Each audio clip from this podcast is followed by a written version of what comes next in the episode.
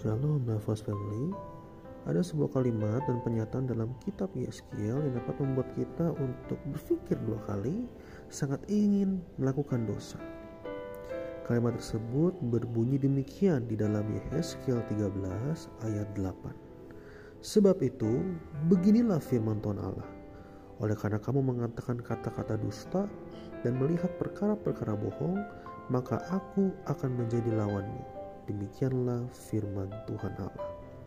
Kalau kita melihat konteks dari Yehezkiel ini, ayat ini memang ditujukan kepada seorang nabi yang memasukkan pesan Tuhan atau kita sering dengar sebagai nabi palsu. Nabi di dalam perjanjian lama kalau saudara tahu memiliki tugas membawa pesan Tuhan kepada umat Israel. Artinya nabi ini seperti punya hubungan khusus dengan Tuhan. Seperti menjadi sahabat Tuhan karena pesan-pesan, perjanjian dan peringatan Tuhan disampaikan melalui nabi, lalu nabi menyampaikan kepada umatnya Tuhan yaitu Israel. Nah, namun tidak semua nabi setia akan tugasnya. Tidak semua nabi menjalin atau menjaga persahabatannya dengan Tuhan dengan baik.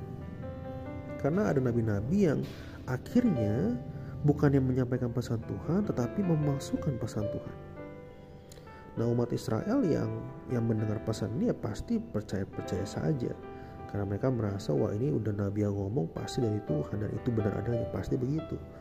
Tapi kan nyatanya ada pesan-pesan yang palsu dari Nabi tersebut. Oleh karenanya tadi Yeska berkata kata-kata dusta, perkara-perkara bohong. Nah lalu apa yang terjadi nih ketika nabi-nabi menyampaikan sebuah kepalsuan? Nah waktu nabi-nabi ini menyampaikan sebuah kepalsuan, dia tidak berfungsi sebagaimana mestinya, maka Tuhan yang tadinya dalam tanda kutip sahabat bagi Nabi, sekarang berubah menjadi lawannya. Wah, ini yang luar biasa nih. Tuhan yang tadinya jadi sahabat sekarang menjadi lawan. Wah, dan ini mengerikan sebenarnya. Allah adalah benar, saudara. Allah adalah Allah yang benar. Ia tidak pernah menyukai ketidakbenaran. Allah tidak pernah menyukai kepalsuan. Oleh karenanya kita kan tahu bahwa iblis itu musuhnya Tuhan. Iblis itu lawannya Tuhan. Kenapa? Karena iblis adalah bapa pendusta.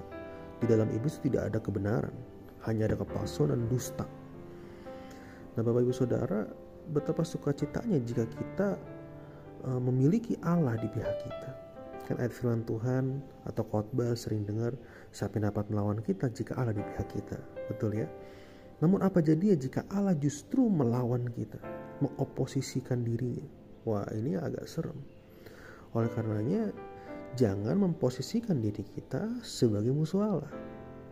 Yang artinya, saudara, jangan kita hidup dalam kepalsuan, dalam dusta, dalam kemunafikan. Dalam perjanjian baru, Tuhan Yesus juga sering mengecam orang-orang fasik yang hidup dalam kemunafikan. Dan itu kalimatnya pedas-pedas saudara. Nah Bapak Ibu bisa baca nanti di perjanjian baru. Nah, lalu bagaimana caranya supaya kita hidup di dalam kebenaran dan tidak dalam kepalsuan?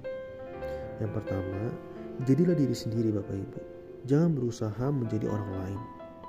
Jadilah diri sendiri yang yang bangga dengan kelebihan kita dan juga bisa berdamai dengan kelemahan yang kita miliki. Karena percayalah tidak ada yang sempurna sampai nanti Tuhan datang baru itu kesempurnaan sejati. Tapi selama kita hidup, kita berusaha otentik dan melakukan pertobatan terus-menerus sehingga perubahan kita seperti Kristus benar-benar nyata di musim-musim hidup kita. Yang kedua, menjaga lidah. Alkitab berkata bahwa lidah itu punya tenaga yang kuat seperti kemudi kecil yang mampu menggerakkan kapal pesiar. Ya betul ya. Nah, jadi lidah ini juga punya tenaga yang kuat untuk menggerakkan tubuh kita. Oleh sebabnya perlu dijaga. Jangan bergosip, jangan menjadi pencemooh, jangan sampai kita ke mana-mana ngomongin kejelekan orang terus gitu ya hati-hati saat memberi nasihat kepada orang-orang, kepada sahabat, kepada keluarga, kita juga pastikan bahwa pesan itu harus dari Tuhan, bukan pesan karena kebanggaan diri kita yang di mana kita bisa kasih pesan nih, kita bisa contoh nih, bukan. Tapi biarlah itu pesannya datangnya dari Tuhan. Minta petunjuk Tuhan dan masih banyak yang lain. Nah, Bapak Ibu Saudara, kiranya kebenaran hari ini bisa mengingatkan kita bahwa hidup kita harus menjadi sahabat Tuhan. Posisikan diri kita menjadi sahabat Tuhan. Jangan sampai Tuhan menjadi lawan kita. Tuhan Yesus memberkati kita semua. Amin.